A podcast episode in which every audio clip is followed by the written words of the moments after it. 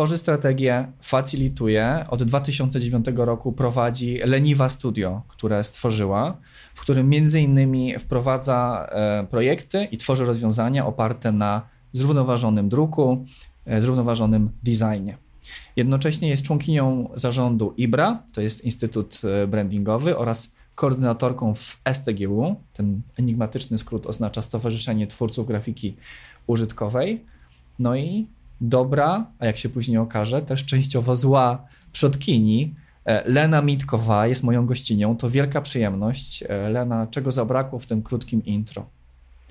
Dziękuję. Um... Myślę, że e, mimo tego e, próby wprowadzenia zrównoważenia, nie zawsze jestem ja tak bardzo zrównoważona, jakbym sobie tego życzyła w każdym tego słowa znaczeniu. Ja się cieszę, bo takie rozmowy mają największą wartość. Także będziemy dzisiaj dbać o to, żeby ta rozmowa była e, może nie do końca zrównoważona. Będziemy dzisiaj mówić o tym, że wszystko jest zaprojektowane, o tym, jak wygląda świat e, designu i projektowania i druku. Będziemy też e, mówić o tym, jak bardzo jesteśmy w tym momencie w trudnej sytuacji globalnej, jaka jest prawda. Będziemy szczerze o tym rozmawiać, czy możemy jeszcze coś zmienić. E, I będziemy porównywać też różne tezy i hipotezy dotyczące naszego wpływu. Ja jestem e, Filip Dębowski, jestem twórcą ruchu Dobry Przodek, którego celem jest naprawianie naszej przyszłości, a przynajmniej do tego inspirowanie. E, zapraszam do śledzenia projektu, e, ponieważ wierzę właśnie, że przyszłość można jeszcze naprawić.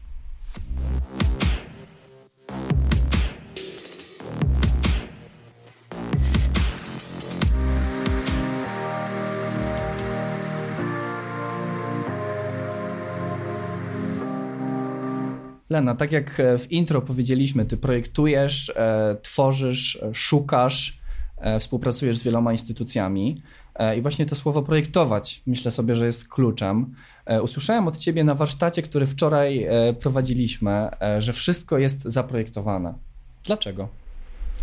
Dlatego, że nic się samo nie wydarza. To jest najprostsza odpowiedź musimy zdawać sobie z tego sprawę, że każdy jeden przedmiot i każda jedna usługa, w której bierzemy udział, została w jakiś sposób najpierw zaprojektowana, e, tak żeby wyglądała lub działała w taki sposób, w jaki w tej chwili z niej korzystamy, lub też przez grzech zaniechania i niechlujstwa pewnego rodzaju taki przyczynowo-skutkowy ciąg wpłynął na to, że jest wykorzystywana albo wygląda w taki, a nie inny sposób. Mhm. To jest trochę, bardzo upraszczając, jak wymyślimy sobie, pomyślimy sobie o tym, że mamy strasznie brzydką ścierkę do podłogi w domu, to ktoś to wymyślił, ktoś to zaprojektował, ktoś to zaakceptował, ktoś to wyprodukował. Ktoś wymyślił, zaprojektował multiple.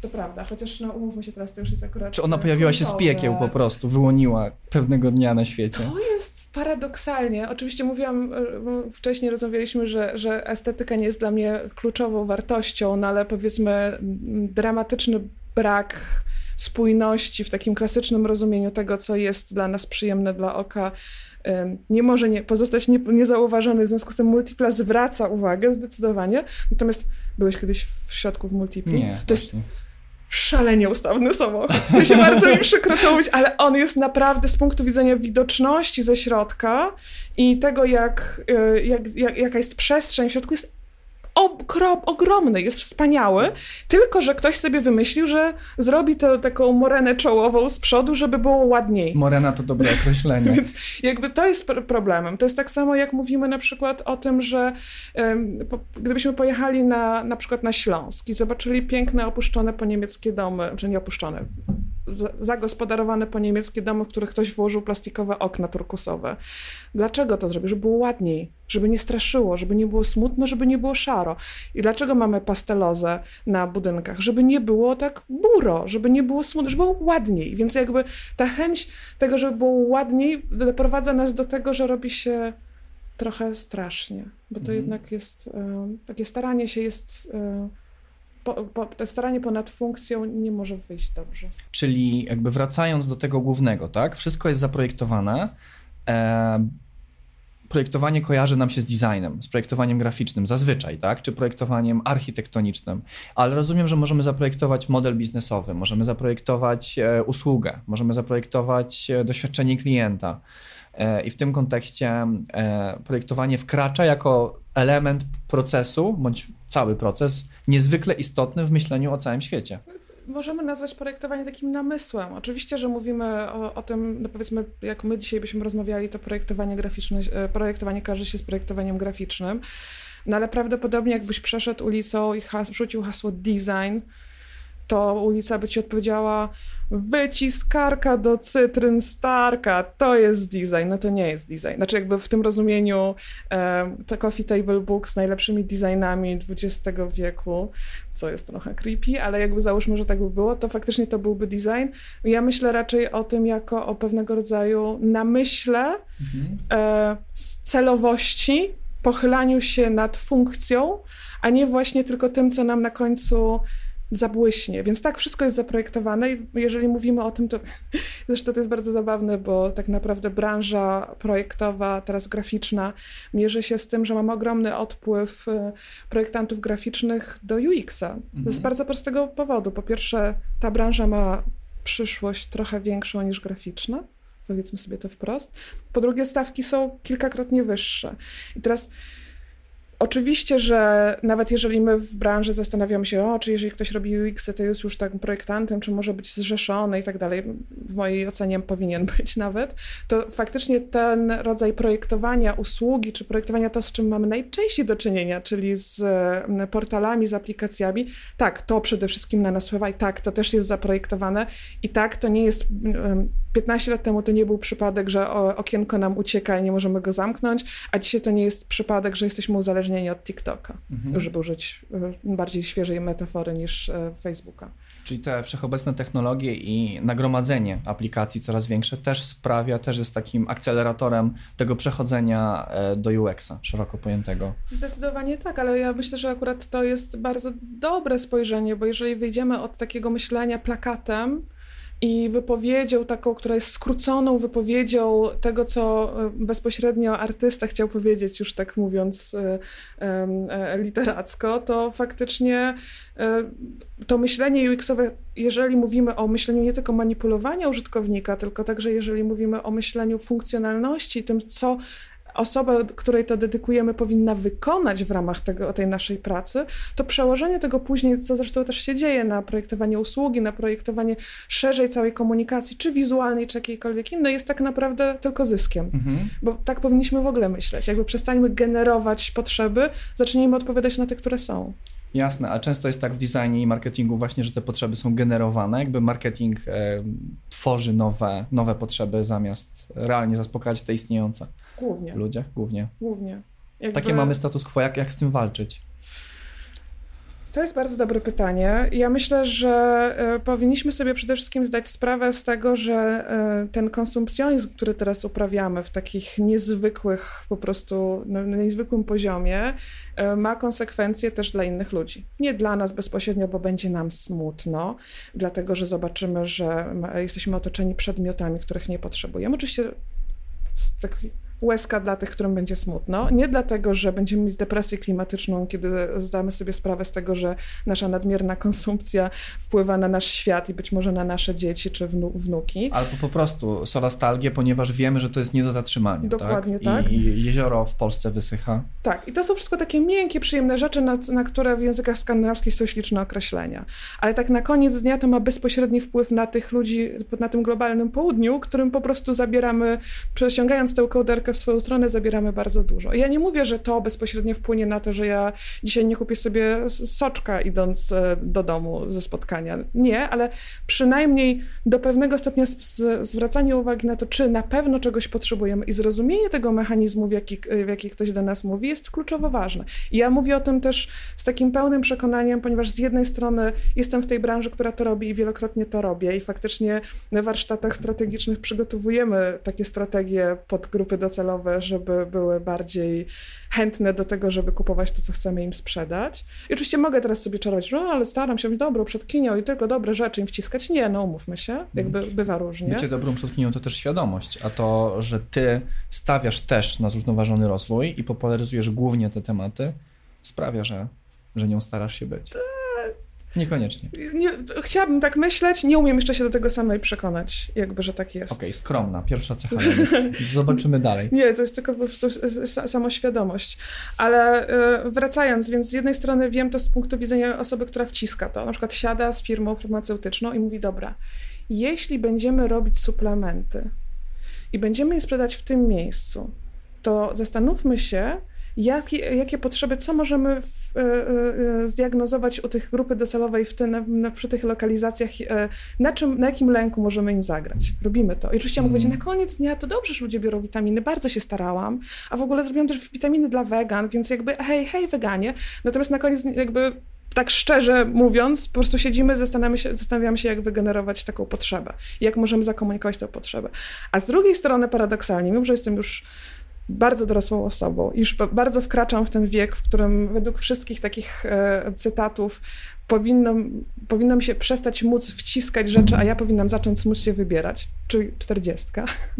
Podobno to jest taki magiczny moment, więc mimo, że wielkimi... Czterdziestka. Wiesz co, czekaj, ja muszę się przyjrzeć.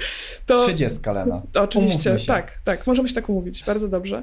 To mimo tego ja nadal jestem e, e, absolutnie łapana w tę sieć. To znaczy, ja na przykład e, nie złapię się na zwykłe retargetowanie albo na to, że jak 20 razy powiem jakąś markę, to potem ona będzie mnie śledzić na Instagramie. Ja się łapię na przykład na to, że dla mnie stargetowana reklama potrafię coś kupić tylko dlatego, że szanuję, jak dobrze ktoś wymyślił kampanię. Nie taką świetnie wciskającą, tylko fajną, designerską i alternatywną. Tak. Wow, wzruszyliście mnie, takie kampanie chcę robić, dlatego was, wam, wam, to, to, od was kupię. I Oczywiście komunikacja to... jest po bandzie, jest, jest dopasowana. I, i potem wciśniesz mi każdy shit. No jakby, więc i, ja jestem tego świadoma, ale nie mogę się powstrzymać. Ale wiesz co, Lena, super wątek poruszyłaś, mega szczery, ja to chcę złapać, bo to jest wartość, nie? Jakby e, żyjesz w świecie designu i marketingu, który jest w pewien sposób zgniły, nazwijmy to tak, nie? Nie bójmy się tego nazwać, czyli wciskania ludziom pewnych e, produktów, e, usług, za pomocą kreowania potrzeby, niekoniecznie zaspokajania istniejących potrzeb.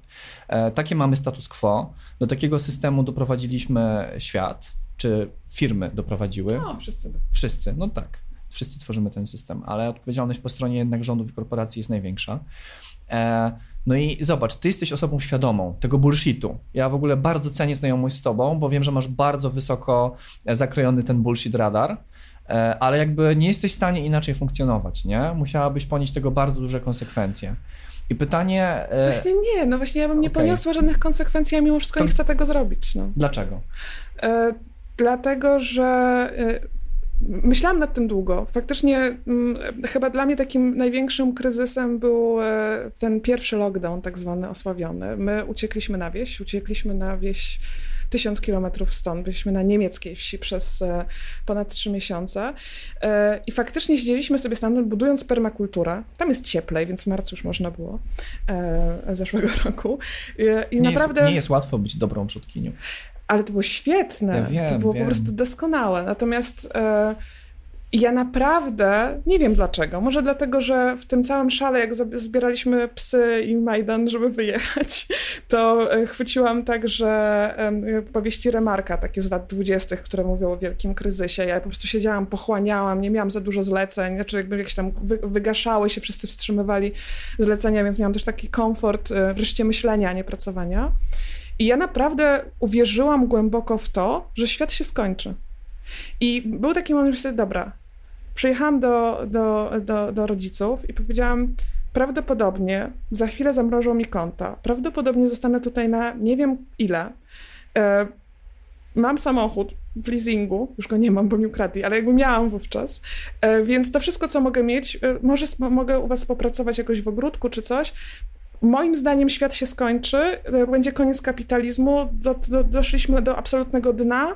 E, przykro mi, ale czy będziecie mogli wreszcie czego nas tutaj przechować razem z naszymi psami, z tym, w sensie z mężem i z psami. I e, szczęśliwie moja rodzina powiedziała, nie no spoko, jakby po prostu zrobimy więcej grządek, jakby, bo oni są tacy bardzo off the grid, powiedziałoby się okay. teraz, więc jakby dla nich to było, okej, okay, to będą po prostu trzy rządki więcej sałaty i mm, e, buraków, spoko, nie Są było problemu. Do pewnego stopnia. Znaczy 99, znaczy żywieniowo tak, mhm.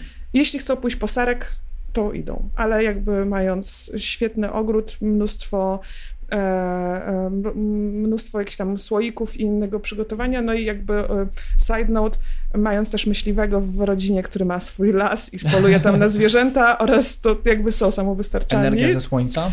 E, jeszcze nie, ale pracujemy nad tym. W sensie to jest akurat dom, który, e, na którym jest, um, um, jakby jest wpisany do rejestru zabytków, więc musimy zdobyć zgody, żeby mieć, um, mieć tam panele słoneczne. Po prostu to jest taki element. Taki tutaj dygresja do słuchaczek i słuchaczy, to może być jedyny sposób na przetrwanie zakłady klimatycznej. Dziękuję. Być może.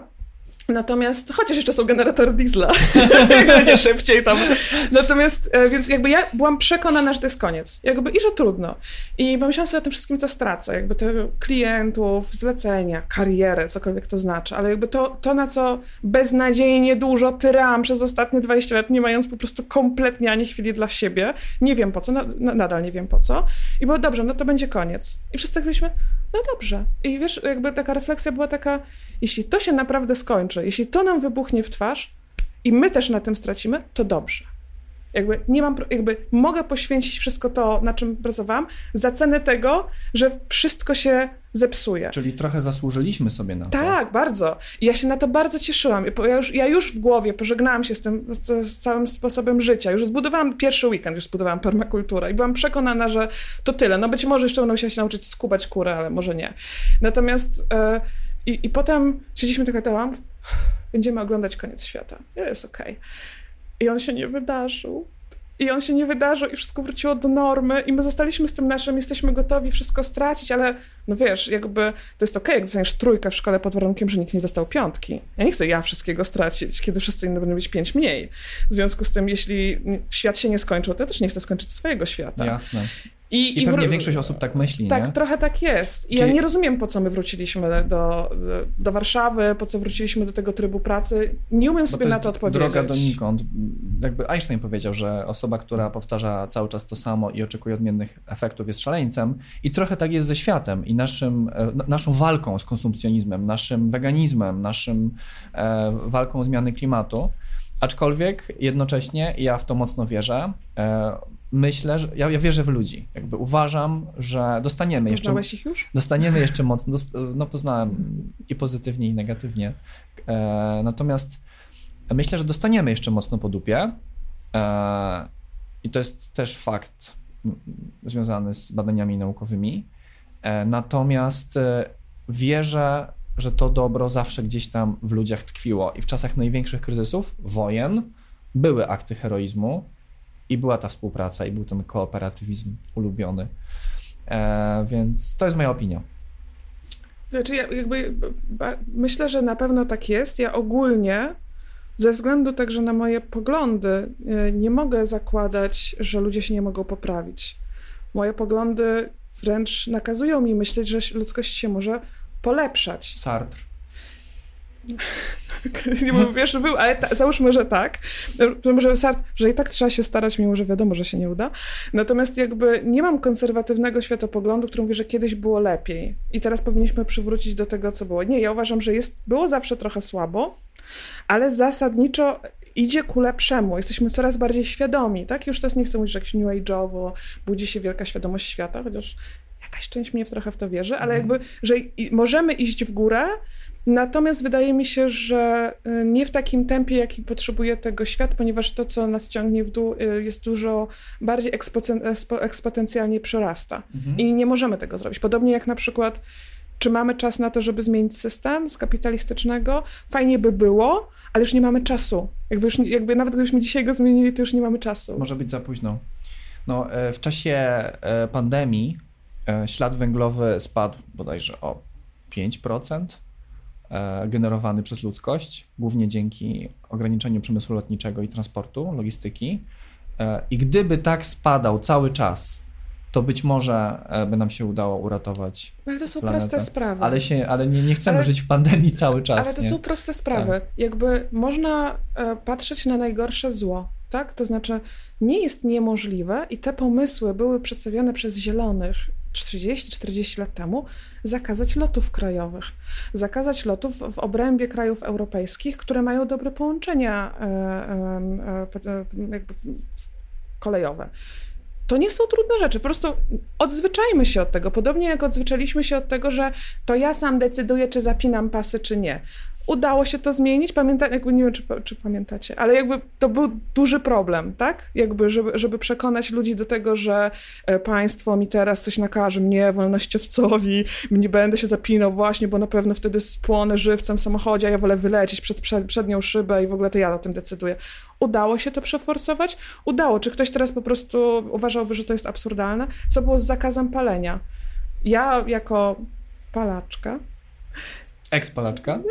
To mrugnięcie? Powracająca palaczka. Okay. A na pewno palaczka, jako każda nastolatka rozsądna e, wówczas, czy to może starsza nastolatka, wtedy, kiedy został wprowadzony zakaz palenia w miejscach publicznych, byłam oburzona. Jakby dla mnie wyjście popołudniowe do knajpy i siedzenie przy papierosie było jak częścią życia, jakby częścią mnie, częścią mojego jakby wizerunku. I okazało się, że da się. Więc tak samo się da. Jakby wiem, że to jest oczywiście, wydaje się mniejszą skalą, ale tylko pozornie. Da się zakazać pewnych rzeczy po to, żeby po prostu musimy złapać tego szczeniaczka, powiedzieć nie. Możemy oczywiście z nim długo dyskutować, możemy mieć forum szczeniaczków, na których będziemy rozmawiać, dlaczego bardzo jest niefajnie sikać na dywan, ale w którymś momencie ktoś musi jednak szczeniaczka za kark złapać, wsadzić mu nosek w siku i powiedzieć nie, więcej nie i przestawić go po prostu mhm. na zewnątrz albo na, na gazetę. I ja tego oczekuję. Jestem w stanie zrezygnować ze swojej wolności po to, żeby, e, żebyśmy się wszyscy przekonali po fakcie, bardzo szybko myślę, było warto, to nie było mhm. takie straszne. Mhm. E, jakby dochodzimy do takiego punktu, że poza tymi aktywnościami konsumenckimi, tak, bo możemy głosować naszym portfelem, naszymi wyborami w sklepach, e, naszym sumieniem, e, naszą dietą, prawda, możemy w ten sposób wpływać na, na no świat. Wiemy, tylko nie Każ... wpływamy jakoś szalenie bardzo. Jasne. Ale jasne. możemy próbować. I, znaczy twoja opinia jest taka, że jakby najważniejsze są te odgórne jednak regulacje. Ja się z tym paleniem, e, z tym case'em palenia bardzo zgadzam. Z paleniem może nie do końca. E, I mam takie pytanie, które powinno ci się spodobać. Wyobraź sobie, Lena, że jesteś dyktatorką Europy. Całej Europy? Całej Europy. Mogę Eurazję? to była typowa odpowiedź dyktatora. Więc już nie, no się dobra, wczym... nie jest to za dużo, ale jakby mm, da się. Da się już, już na, tym, na tym terenie na tym już da się coś zrobić. Dokładnie, dokładnie. Może nie trzeba go zaorać. Um, od czego byś zaczęła zmienianie świata? Załóżmy, że chcesz uratować nas jako ludzi okay. e, przed katastrofą. To... Jaką dyrektywę byś wprowadziła? Zamieszkałabym w Pałacu Kultury, e, ale który tym, już nie jest do końca art, który nie jest do końca art deco. E, wydaje mi się, że to są bardzo proste rzeczy, które powinniśmy wdrożyć. Oczywiście teraz mogę sobie tak mówić, że one są takie proste, ale bycie dyktatorem ma ten plus, że nie musisz się martwić, czy ktoś cię jeszcze raz wybierze bo nie mają nic do powiedzenia. Ale to na bok. To, co powinno się przede wszystkim wprowadzić, moim zdaniem, żeby zmienić ten taki klincz, w którym mamy z jednej strony wyborcę, który nie ma za dobrego zdania o polityku. Z drugiej strony mamy politykę, która myśli sobie, że wyborca jest za głupi, jak mu nie dam czegoś na krótki e, czas, to mnie drugi raz nie wybierze. Czyli nie może jakby wprowadzić niczego, co będzie dobre dla takiej Europy czy świata, ponieważ wie, że nie będzie wybrany drugi raz. Na to są bardzo proste rozwiązania.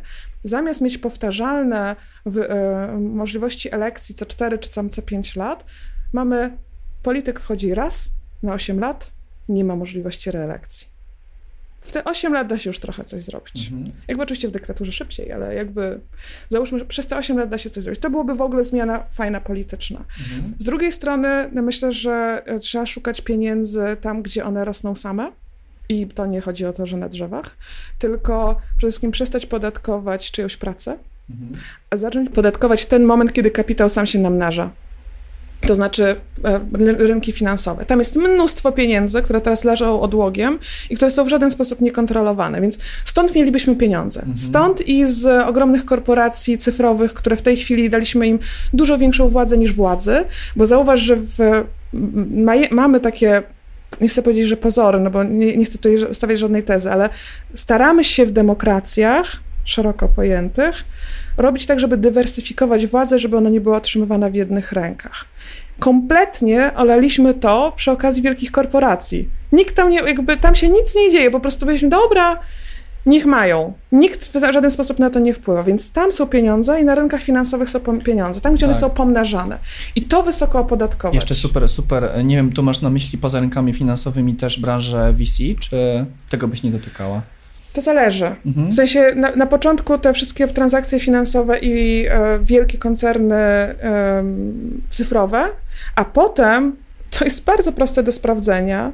E, wykluczać poprzez e, bardzo wysokie podatki, wykluczać te branże, które są wyłącznie ne z negatywnym impaktem. Tak. To znaczy, mamy oczywiście czasami, że no, trzeba byłoby wywalić, trochę tego jednak potrzebujemy, coś tam. Kryptowaluty, powiedz mi jedną dobrą rzecz, która z nich wynika. Hmm. To one powinny być tak opodatkowane, żeby opłacić to wszystko, do czego zaraz przejdę. Jedna transakcja bitcoinem to około 60 kilo e, dwutlenku węgla wyemitowanego do atmosfery z powodu prądu, jakby, który... No dlatego jak już kupować to dużo. Tak, jak już kupować to dużo. Dla porównania e, spalenie nierecyklingowanej e, torebki plastikowej to 10 gram. Tutaj mamy 60 kilo. No tak, a pewnie gdybyśmy jeszcze policzyli taki ślad węglowy, na przykład niszczenia, najpierw przy, przygotowania i całej drogi produkcyjnej e, produktów, które potem są niszczone przez Amazonę, to jakby tutaj jest jeszcze dużo, dużo takich e, aspektów. Jeszcze tylko jedno zdanie powiem o, tym, o tej branży VC, nie? bo mhm. rynki finansowe jak najbardziej, e, pełna zgoda. Odnośnie branży VC, absolutnie wierzę w mądre inwestycje. Uważam, że firmy niektóre tego potrzebują i może to pomóc w rozwoju technologii czy rozwoju dobrych biznesów. Natomiast mam taką obawę, że jednak duża część e, tej branży VC opiera się na bańkach, tak. dokładnie. No to nasze polskie poletko niestety no, zostało w duży sposób e, zniszczone przez źle używane pieniądze publiczne, powiedzmy sobie to szczerze. E, I bardzo, bardzo, bardzo mm, martwi mnie taki fakt pompowania pieniędzy w firmy, zawyżając ich wartość rynkową, kiedy one są wciąż nierentowne. Patrz, case, WeWork, olbrzymia firma, Uber, gdzie na końcu kto za to zapłaci? Ulica. No tak, już płaci. Najbiedniejsi. I niestety branża VC czasami, um, czasami e, idzie w kierunku takiej właśnie piramidy, nie? No tak. Znaczy to jest jeszcze taki trochę, e, to, to jest jakaś, jakiś aspekt tego, ale też weźmy pod uwagę to, że jakby, jak wspomniałeś o tych pieniądzach publicznych, które były kilka lat temu, może z 10 lat temu, jak było takie duże dofinansowanie na innowacje technologiczne z Unii Europejskiej, tak zwane 8.1 ja po prostu u mnie się drzwi nie zamykały w firmie z ludźmi, którzy przychodzili, żeby przygotować startup, który musi tylko trzymać dwa lata na rynku. Nikt tego nie potrzebuje, tylko dokumentacja musi się zgadzać. Dopóki myślimy o tym w taki sposób, że zróbmy, zróbmy sobie porównywarkę do czegoś, zróbmy Ubera dla czegoś, zróbmy Tindera do psiego jedzenia. Świetnie, tylko tutaj znowu wracamy do tego, od czego zaczęliśmy. Nikt tego nie potrzebuje. Nie, nie, nie pokrywamy absolutnie żadnej potrzeby ludzi. To jest tylko w naszej głowie, że fajnie byłoby mieć do tego apkę. Otóż prawdopodobnie, jeśli mogłabym powiedzieć jedną złotą myśl, jeśli myślicie, że do czegoś jest potrzebna apka, nie jest. Jakby naprawdę nie potrzebujemy do tego kolejnej apki. A jeżeli twoi przyjaciele uważają, że tak, to świetny pomysł, żeby zrobić apkę, gdzie, komponujesz, gdzie komponujesz sobie swoją pizzę, bo ty byś tego używał, to nie, sorry. No nie, to tak, to, tak to nie działa design thinking. bez sensu. Tak, dobrze Więc... rozumiany. Lena, to co, co z tymi finansami? Z, z tą furą pieniędzy, z tą furą pieniędzy, którą pozyskamy w etyczny sposób. Wspominałam, że będziemy bardzo wysoko podatkować złe biznesy.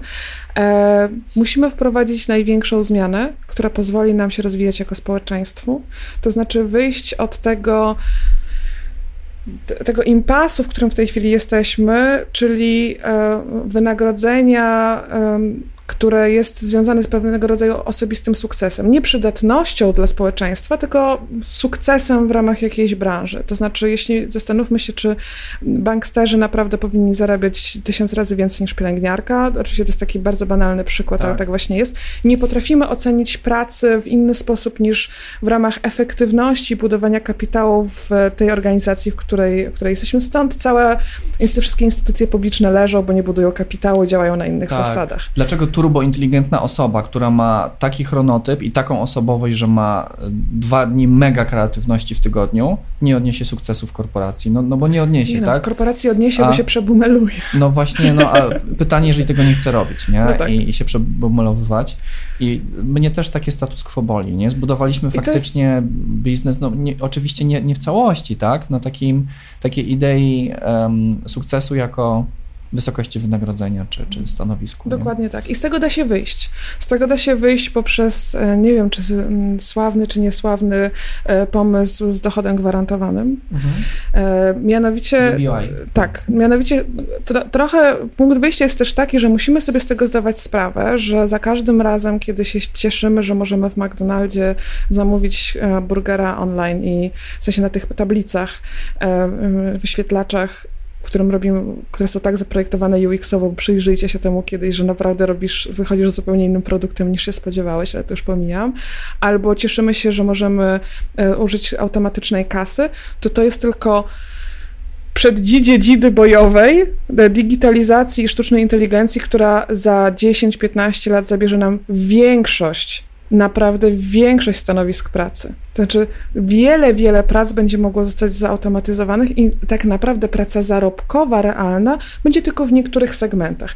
I byłoby absurdem i jakby nadmiernym e, optymizmem zakładać, że ci wszyscy, którzy przestają pr pracować na tych stanowiskach, nie mówię tylko o jakiejś odtwórczej pracy e, kasjerki tej słynnej, której proszę nie zaczynajmy dyskutować, czy to dobrze, czy niedobrze, że ktoś pracuje na kasie, e, ale także w, w, w zawodach kreatywnych pewne rzeczy się automatyzują że ci wszyscy powiedzą, ludzie powiedzą, świetnie, to skoro tak jest, że sztuczna inteligencja robi to lepiej, to ja stanę się pielęgniarką. Tak. To się nie wydarzy. Albo będę zarządzał sztuczną inteligencją. Dokładnie. Tak? To się po prostu nie wydarzy. No, jeżeli chcemy być dobrymi przodkiniami, e, przodkami dla tych osób, to już musimy o tym myśleć. Jak zredefiniujemy rynek pracy. Dokładnie. Ponieważ automatyzacja prostu... to nie jest e, pytanie e, czy, tylko kiedy. Tak. Już jak się bardzo. Dzieje. Tak, jak bardzo. I do tego jak dodamy to, że będzie lepsza medycyna, czyli ludzie też będą dłużej żyć i w lepszym zdrowiu, to chyba to, co podejrzewamy od wielu lat, czyli że nasz system e, ubezpieczeń społecznych i ZUS się zawali,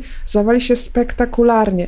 I nie możemy szukać teraz innych rozwiązań na to, niż w ogóle przedefiniowanie tego, czym jest praca. Mhm. I to już powoli powinniśmy zacząć robić. Jeszcze tylko dodam jeden, e, e, jeden, jeden taki punkt, bo jeżeli my tego nie zrobimy proaktywnie, to to się zadzieje reaktywnie. I mamy przykłady takich zawodów, jak na przykład dzieci zbierające elektrośmieci, tak, na wielkich górach, wysypiskach, nie wiem, czy widzieli, e, widzieliście zdjęcia. Wiesz, mieliśmy też bieda szyby w Polsce, nie? Tak. To, jakby to, to nie, nie, trzeba bardzo daleko szukać, żeby zobaczyć, co się wydarzy, jeżeli po prostu wyciągniemy coś z rynku i powiemy, radźcie sobie sami. I wy, wydobywa, dokładnie. I jeszcze wracając do tych gór elektrośmieci, wydobywanie, a aż lampka się zatrzęsła, że też będzie elektrośmieciem kiedyś.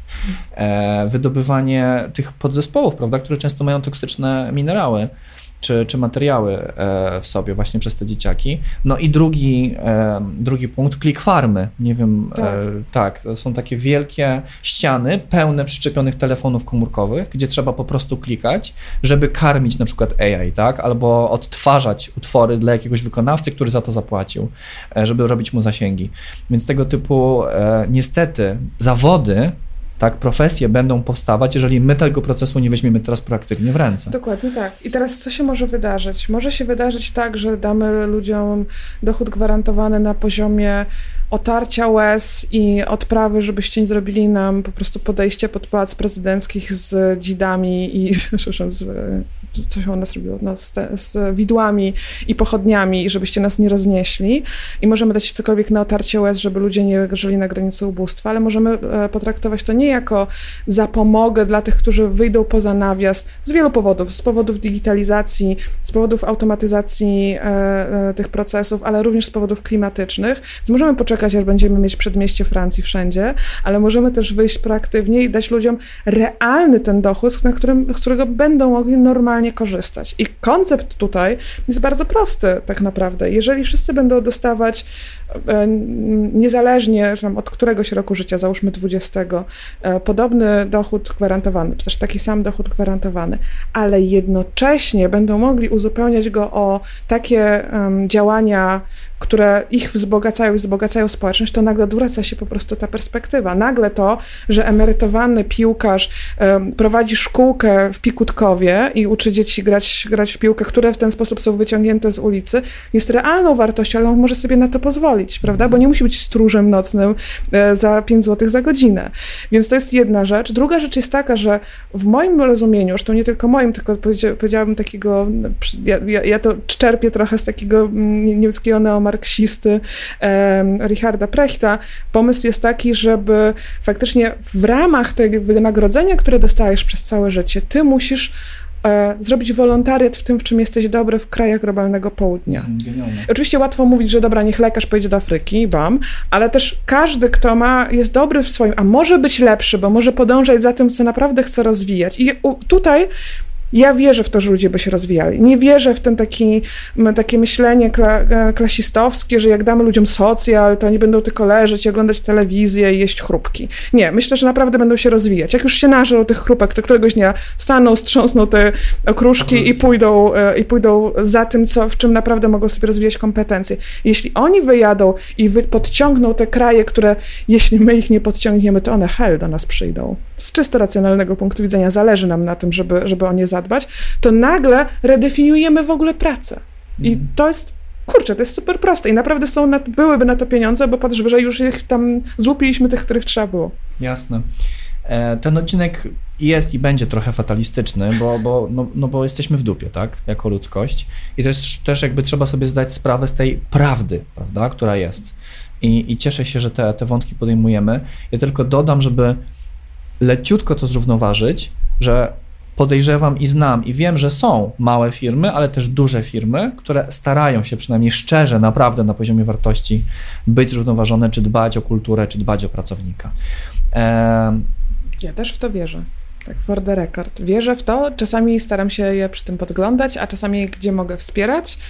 E, robię to też w takim leniwa studio. Tak, fatalistycznym duchu, że no, jest to kropla na pustyni, a może nie krew w piach zawsze, ale jakaś tam kropla i uważam, że mimo wszystko warto się starać, już nawiązując do tego Sartra, jakby mit e, Syzyfa, nawet jeśli wiesz, że spadniesz, to chociaż do końca prze, przebiegniesz tą metę, mimo że już nikt na ciebie nie czeka. tak. Jakby okej, róbmy tak, no bo co mamy lepszego do roboty, no. Jakby Możemy nadać na sens, kometę. prawda, temu, Tak. temu czasowi, który mamy.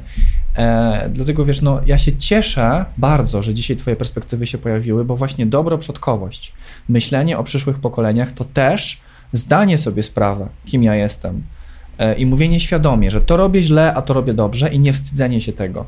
Jakby jeżeli twoje podejście do życia i mówienie szczerze, że na przykład tutaj, ok, jestem dobrą przodkinią, ale tutaj w marketingu wciąż działam i tworzę biznes, by się przeniosło na kulturę organizacji, na marketing dużych organizacji i mówiłyby szczerze, ok, tutaj jesteśmy chujami, bo musimy, ale robimy tu, tu i tu, to moim zdaniem jest to progres w stosunku do wszechobecnego PR-u i greenwashingu. Jakby wolę taki świat, niż świat, który wszystko zaczarowuje, nie?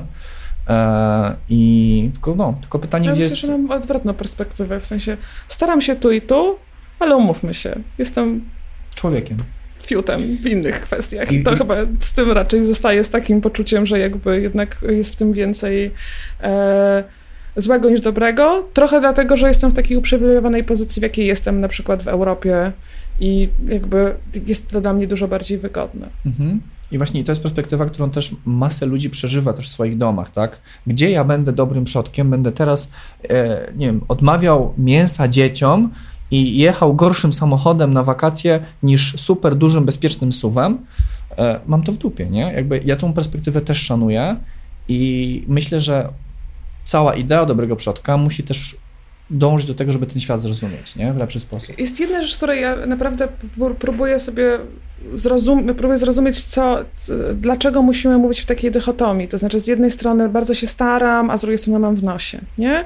Jakby... Nie, nie, nie. Właśnie ja nie wierzę w dychotomię dobra i zła. Jest świadomość mniejsza bądź większa. Albo że To jest- troszkę jest się gradient. staram, w związku z tym tak To jest jestem gradient. tak średnio, średnio fajny, ale dzisiaj lepszy, wybieram sobie swoje wojny. Ja zawsze mówię, że wybieram sobie swoje wojny, ale jednak e, na koniec dnia e, chyba no, to, to może nie wystarczyć. To znaczy, jakby e, u mnie głębokie przekonanie, taka ponura rezygnacja, e, po, pogodna rezygnacja, nie ponura rezygnacja, jest taka, że jest taki fragment e, bardzo dobrej piosenki o końcu świata, niemieckiej znowu, w której jest powiedziane, że czy pamiętasz jeszcze, jak wy, wyżynaliśmy cyrklami na, na, na ławkach, Boże, nie przebacz im, bo wiedzą, co robią. I to mi trochę towarzyszy, to znaczy jakby ja mogę powiedzieć, że się i tak się, ale przecież się starałam. Mm. To nie, to nie jest tak naprawdę. Na koniec dnia po prostu miejmy świadomość tego, jakie są konsekwencje. Przygotujmy się na to możliwie najlepiej. Może nie chowając się przed bombą atomową w lodówce, tylko jakoś lepiej po prostu bądźmy na to przygotowani psychicznie, ale największym chyba dla mnie y, dyskomfortem jest myślenie, że skoro y, używam antyperspirantu z sody, to już właściwie może ten świat się nie skończy. I nie dlatego, że tak jak mówisz, tak, ma, małe wybory mają sens, e, jakby każdy konsument może wywierać presję, ale nie czarujmy się, że ta skala, nawet jeśli ona będzie rosnąć, zmieni cokolwiek w tym, że jeśli nie my, to nasze dzieci, wasze dzieci, będą być może jednak widziały bardziej spektakularny koniec świata niż e, trąba wodna na Bałtyku, nie? Jakby po, po, prostu, że to się wydarzy i nie mówię, żeby teraz radośnie odrzucić wszystko i mieć wszystko w nosie i, i ja już by się w ogóle nie starać, natomiast nie udawajmy, że to, że się trochę postaramy, zmieni cokolwiek więcej niż kiedy się staraliśmy i uczyliśmy do kartkówki, ale jednak e, napisaliśmy ją źle. Efekt punkty będą takie same. To, że my się staraliśmy, że się uczyliśmy do późna, jest kompletnie nieistotne wobec tego, jaki będzie, jaka będzie ocena, którą nam ktoś na końcu wystawi. Mhm. Okej, okay, ale tutaj wiesz co, jeszcze wejdę w małą polemikę, nie? Bo tutaj porównujesz to do klasówki, na którą mimo, że się przygotowywaliśmy, um, której nie udało nam się dobrze napisać. E, natomiast w klasówce jest bardzo duży element zaskoczenia. Jakby totalnie nie wiemy, jakie pytania dostaniemy. I okej, okay, świat też będzie nas zaskakiwał, czarne łabędzie, świat WUKA, nazwijmy to jak chcemy, ale my mniej więcej wiemy, gdzie daliśmy ciała. Tak? Okej, okay, to przepraszam, to w takim razie koryguję. To jest jak niezdanie teoretycznego egzaminu na prawo jazdy, mimo że miałeś pulę pytań. Okej. Okay. Bardziej straszne, nie? W sensie, miałeś ich, jak nie wiem ile jest teraz, ale swego czasu było jak 150, losujesz 20, a i tak nie zdałeś. Mhm. Bum, i to jest to, co się dzieje z nami. Mhm. No tak, wiesz to znaczy zgadzam się z tobą w tym, że nie oszukujmy się, tak, że, że mój e, sodowy anty, antyperspirant uratuje świat e, i ja też się nie oszukuję.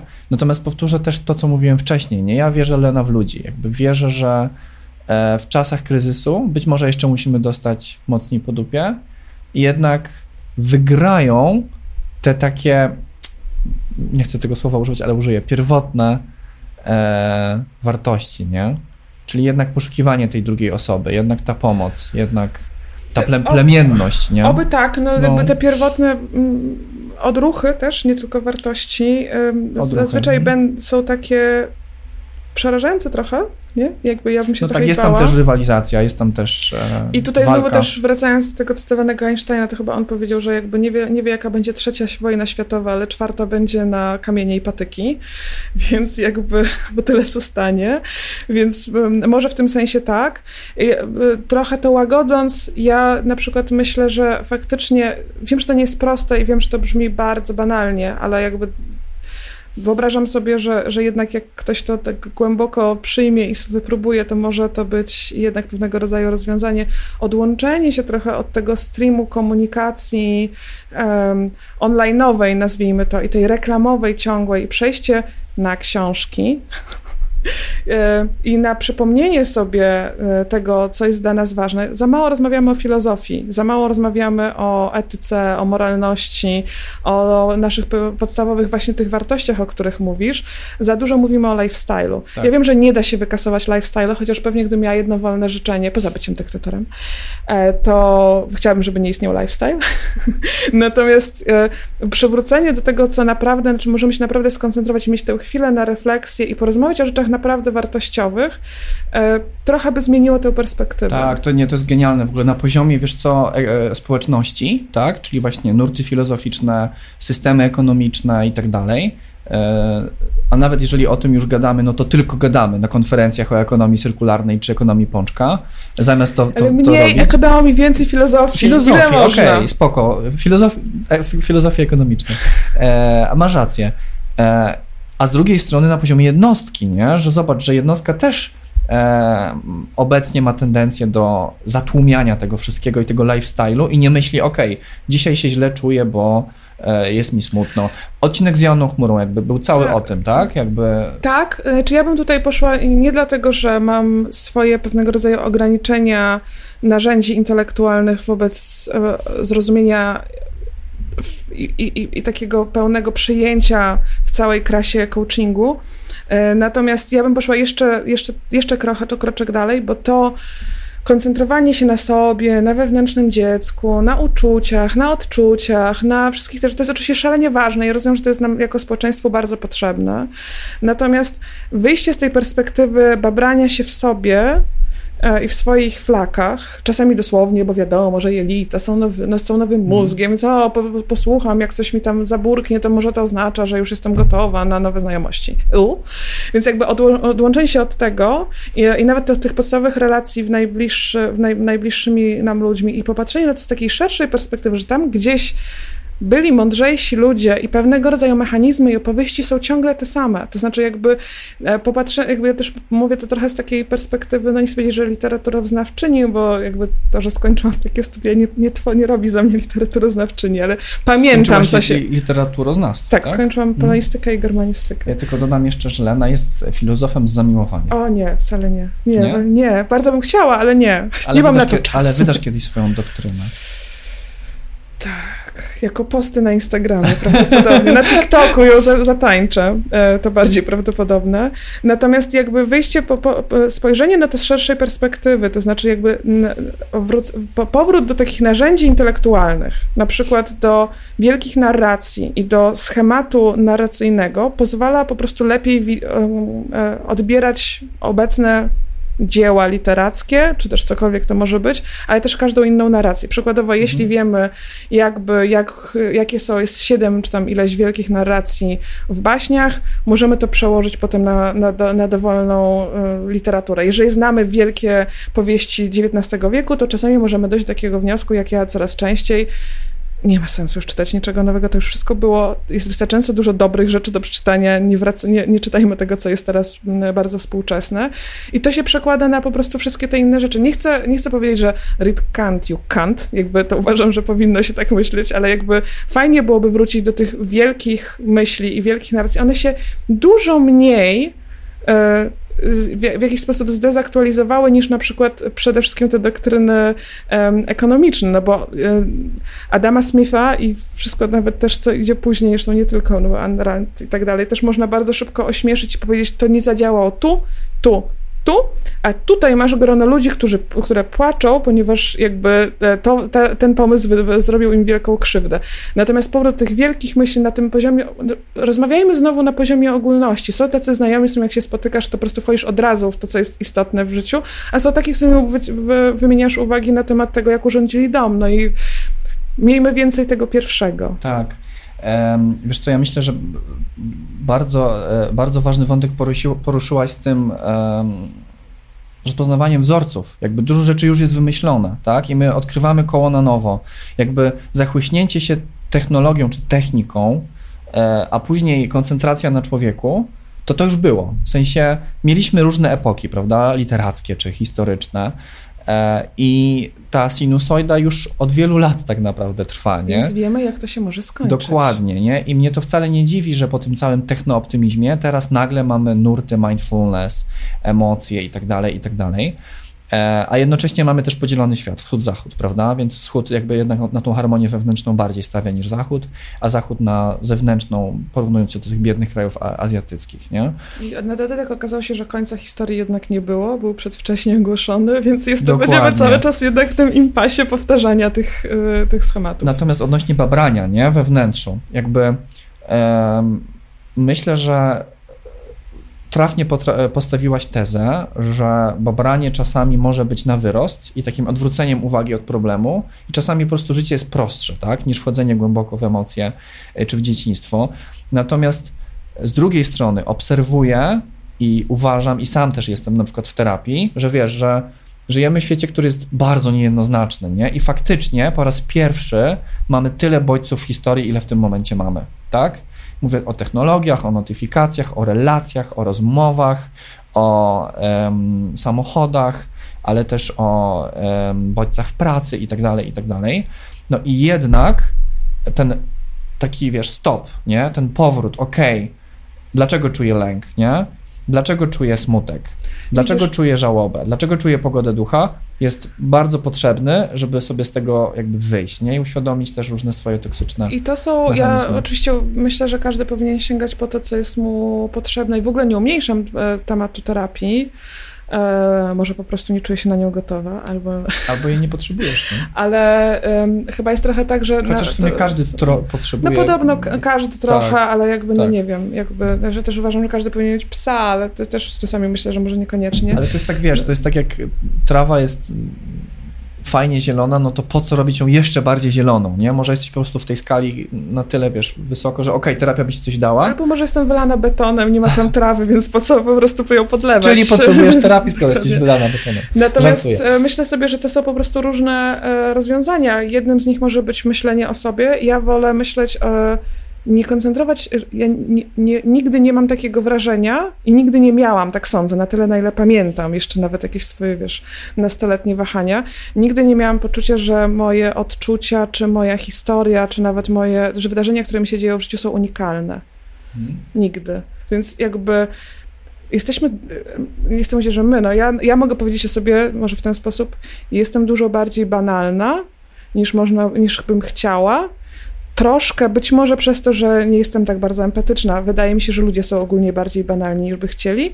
I łatwiej jest znaleźć pewnego rodzaju schemat i tam znaleźć pewne rozwiązanie, niż koncentrować się na sobie. Nie chcę powiedzieć, że jestem tak szalenie skromna i zahukana, że uważam, że nie chciałabym zabierać czasu psychoterapeucie rozmawianiem o mnie, no bo umówmy się, to jest jakby czysta relacja, jakby mogę za to zapłacić nawet, żeby, żeby ktoś słuchał jak śpiewam, Przecież nie chciałabym tego, ani nikt by nie chciał.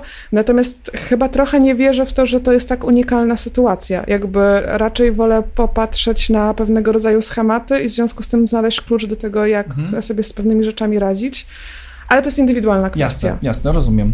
Lena, wspomniałaś e, trochę o tym wcześniej, żeby wracać do filozofii, ale też wracać do czytania książek. I skoro o książkach mowa, użyję takiej inteligentnej, nie wiem jak to nazwać, przej przejść, przejścia, inteligentnej przejścia. Mamy, żyjemy w, w świecie równości. E, I pokażę Twój przedruk. Przedruk to jest takie piękne wydanie. Projekt przedruk. Tak. Pokażmy, po, A, może, może ja pokażę tutaj. Zobaczcie, to jest okay. przedruk. Co, to, co to w ogóle jest? Słuchaj, taka ładna książeczka.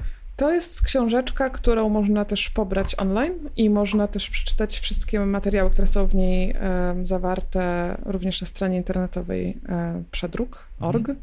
E, jest to maleńkie opracowanie, które miało być takim pierwszym opracowaniem mojego wkładu w nie ratowanie świata, Dobra, ale robienie go, e, ale robienia z niego trochę mniejszy, mniej strasznym e, miejscem, e, albo dawanie narzędzi. To znaczy jakby poza tym pochylaniem się i pisaniem też artykułów o tym, jak może być lepiej, co też czasami uskuteczniam, to chciałam dać konkretne narzędzia. I teraz konkretne narzędzia jakie? Otóż kiedy mówimy o projektowaniu graficznym, to jednym z efektów wdrożenia graficznego jest często druk.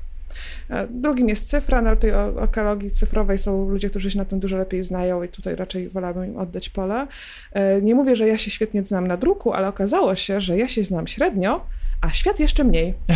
Więc e, postanowiłam nabrać możliwie najwięcej informacji i podzielić się tym, co udało mi się, nie chcę powiedzieć, że aż w śledztwie dziennikarskim, ale powiedzmy nie w taki prosty znowu proces, procesie desktopowego researchu, tylko naprawdę chodzeniem, wyciąganiem ludzi, ludziom e, informacji z nosa pozyskać.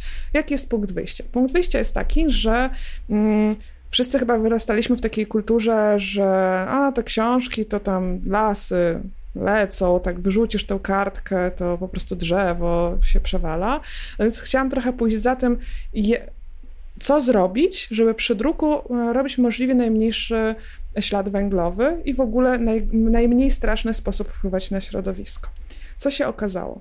Okazało się, że przede wszystkim, kiedy wracamy do e, tekstów, a nie czytamy je tylko online raz, przelatujemy wzrokiem, wiecie, zmęczony kot, który skoreluje, tylko naprawdę je czytamy, to jest pewnego rodzaju wskaźnik, nie chcę teraz powiedzieć jakieś bzdury, ale takich naprawdę kilku tysięcy znaków, od których bardziej e, zrównoważone jest wydrukowanie nawet na drukarce lokalnej u siebie w, w domu e, i posiadanie tego na biurku, żeby móc do tego wrócić, niż czytanie co i już wracanie online. To tak, to, pierwsze, to takie krótkie, czy, czy papier, czy ekran, więc papier nie jest zły.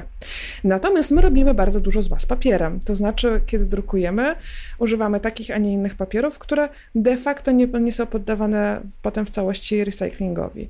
Więc postanowiłam pójść za tym, poszukać, jakie, dowiedzieć się, jakie certyfikaty są najbardziej relevantne i w związku z tym nie tylko mówić to, co mówią e, dystrybutorzy papieru, których jest kilku w Polsce i okazało się, że żaden z nich nie dysponuje taką prostą wytyczną, jak takim, wiecie, Excelem, którym są poznaczane, który papier ma jakiś certyfikat, żeby można było sobie je wyfiltrować. Otóż nie, nikt takiego czegoś nie miał. Ja to stworzyłam dla nich wszystkich i potem je bardzo długo potwierdzałam. Czyli nie tylko, że czasami ktoś przyjdzie do ciebie z promocją i powie, to jest papier, który ma w sobie wytłoczyny y, łez dziecka z Afryki albo obierek ziemniaka. Wszystko to jest naprawdę, znaczy może z tymi łzami nie, ale naprawdę jakieś absurdalne rzeczy, które wrzucamy do pulpy, żebyście kupili jako 15 razy droższe ekologiczne. Więc to, to ścieżką Czyli nie chciałam pójść. też ma miejsce. Zdecydowanie, tylko pójść po takiej, e, taką linią, jak możemy znaleźć papiery, które są naprawdę ok. To znaczy jakby zarówno w procesie produkcyjnym, jak i przewozu i tak dalej, są ok, przy czym nie zawsze muszą być super reklamowane jako ekologiczne i ja tutaj wskazuję jako najlepsze. A podasz przykłady? Hmm? No, ni niestety jest tak, że um, papier, który jest najbardziej rozpoznawalny jako ekologiczny, który jest, ja niestety jestem też jego fanką, czyli Munken, e, to jest szwedzki papier, jest faktycznie pod każdym względem bardzo dobrym papierem. E, to jest, są no, bardzo ciekawe, to jest w ogóle cała ciekawa historia, ale już nie będę teraz zabierać czasu reklamowego dla Munkena, bo wszyscy go doskonale znają jakby z branży i wiedzą, że to jest ekologiczny papier. Ja, ja, ja nie znam, jak on wygląda? To jest taki szary papier, tak? Taki nie, gruby. nie, nie, jakby nie. odłóżmy w ogóle to myślenie, to jest na przykład wydrukowane w sposób ekologiczny. Okej. Okay. E, to nie mówimy czyli, o... Czyli ekologiczne to nie musi wyglądać jak rolka po papierze nie, toaletowym. Nie musi. Okay. Mało tego, papier z recyklingu nie musi wyglądać w taki sposób, bo jest bielony, co oczywiście mhm. też otwiera nam pytania, czy to bielenie w procesie zużywa wodę i chemię, no ale już to już odłóżmy.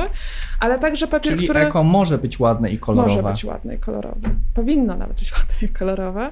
Więc papier, Monkan jest zwykłym papierem, który prawdopodobnie poza entuzjastami papieru nie, nie, nie, nie wywołujesz takich emocji, ale faktycznie cały pomysł, koncepcja prowadzenia tego przedsiębiorstwa jest bardzo zrównoważona. Można to oglądać, można zobaczyć, e, jak e, w ciepłej wodzie, która jest z, e, z produkcji wypuszczana potem do, do potoków w, w Szwecji, której no nie jest zazwyczaj jeszcze póki co bardzo ciepło, żyją pstrągi, które pracownicy mogą sobie łowić w przerwie. Nie wiem, czy w przerwie jedzą, ale jakby jest bardzo przyjemnie łowią. generalnie. Może nie jedzą, ale, ale ale też poza tym Munkenem nieszczęsnym, to na przykład ten papier, który, na którym ja się zdecydowałam wydrukować e, przedruk, e, czyli z takiego dystrybutora polskiego e, Panta, to jest Alto i on jest wyraźnie tańszy, a ma podobne, jeśli nie lepsze certyfikaty, jeśli chodzi o wszystkie aspekty, które, które są tutaj kluczowe.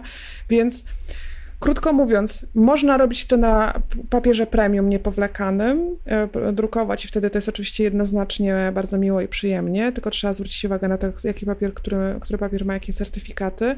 Na dzień dobry raczej nie, nie, nie drukować na czymś, co do czego nie wiemy skąd jest, czyli tak zwany no-name creda, bo jeżeli nie wiemy skąd to jest, to raczej nas miło to nie zaskoczy, tylko tam może być nawet mikroplastik. Mhm. No i przede wszystkim to, co jest kluczowe, to nie drukujmy, kiedy nie potrzebujemy, w nakładach, których nie potrzebujemy.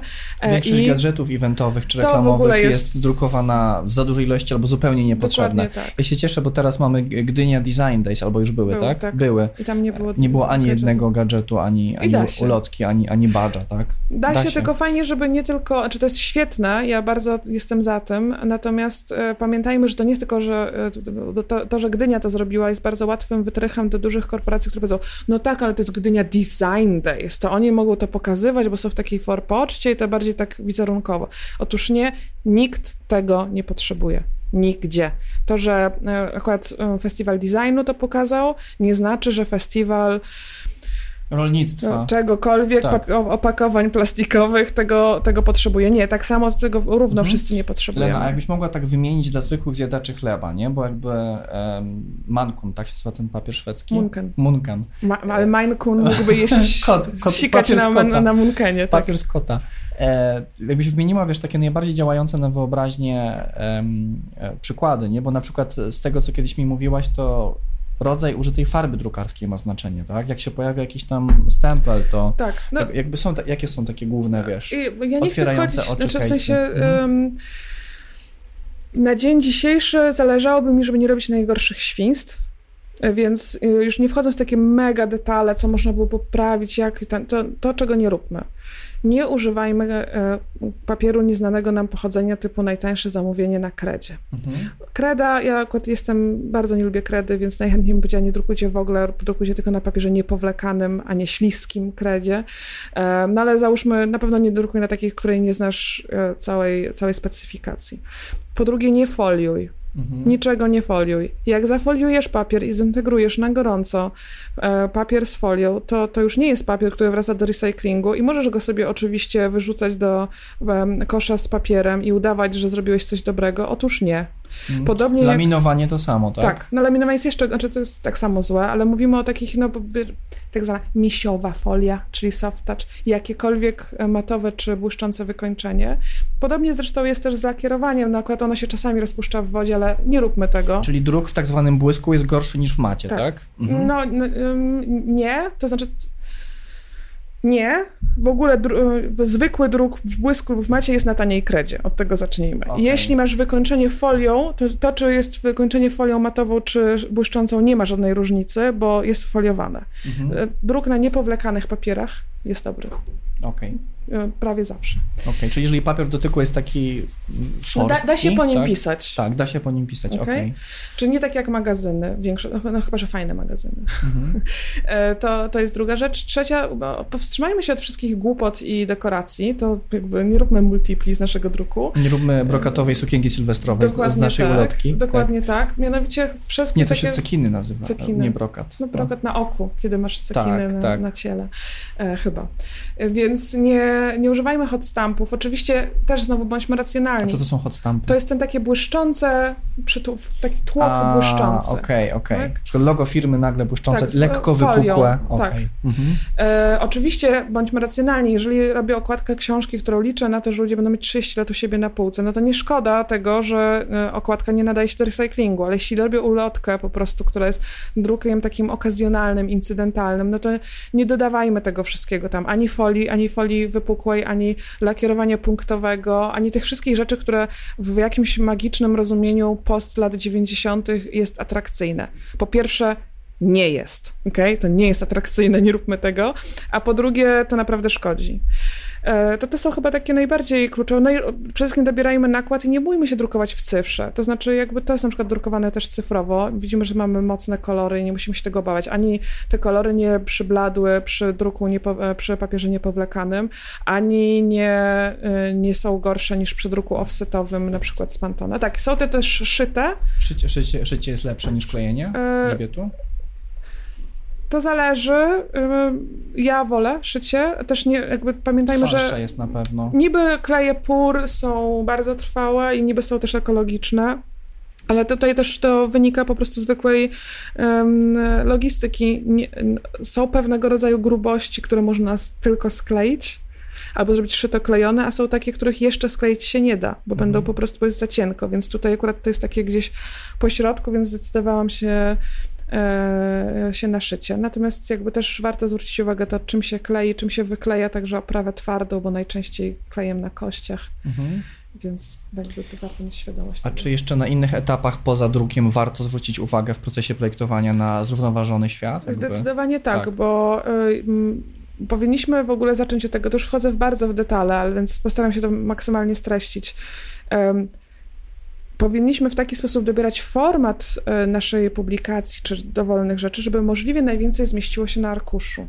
Inaczej mamy duży odpad produkcyjny, a przecież ten papier nie powstał tylko w naszej głowie, tylko został Drzewa. wyprodukowany, został przywieziony. Czasami na przykład tak jak jeden z papierów jest z włókien eukaliptusa, więc ten eukaliptus musi gdzieś dojechać, być wyprodukowany, dowieziony do Ciężar- Polski. Więc potem tak jak jedną trzecią z tego odrzucam, bo chcę mieć fajniejszy format, no to bądźmy rozsądni. Więc Czyli, już na poziomie... jeżeli szpula, planu- tak, w drukarni upraszczając jest szerokości tego stołu, tak, to projektujemy tak, żeby zmieściły się te kartki w jak największej ilości, żeby te odpady Za- w drukarni były małe, tak? Druk przy tego typu rzeczach, e, nie, nie etykietach, raczej nie jest szpulowy, tylko arkuszowy, czyli Mhm. dokładnie znamy, jakiej wielkości jest kartka. Okej. Inna, jest, e, inna, inna wielkość jest przy druku cyfrowym, bo po prostu maszyny mają mniejszy zazwyczaj. Oczywiście są też jakby inne, ale jakby znamy dokładnie obszar kartki, czyli nie tylko szerokość, na której musimy dopasować, tylko w ogóle e, całość e, arkusza, na którą musimy zmieścić użytki tak zwane. Jasne, jasne.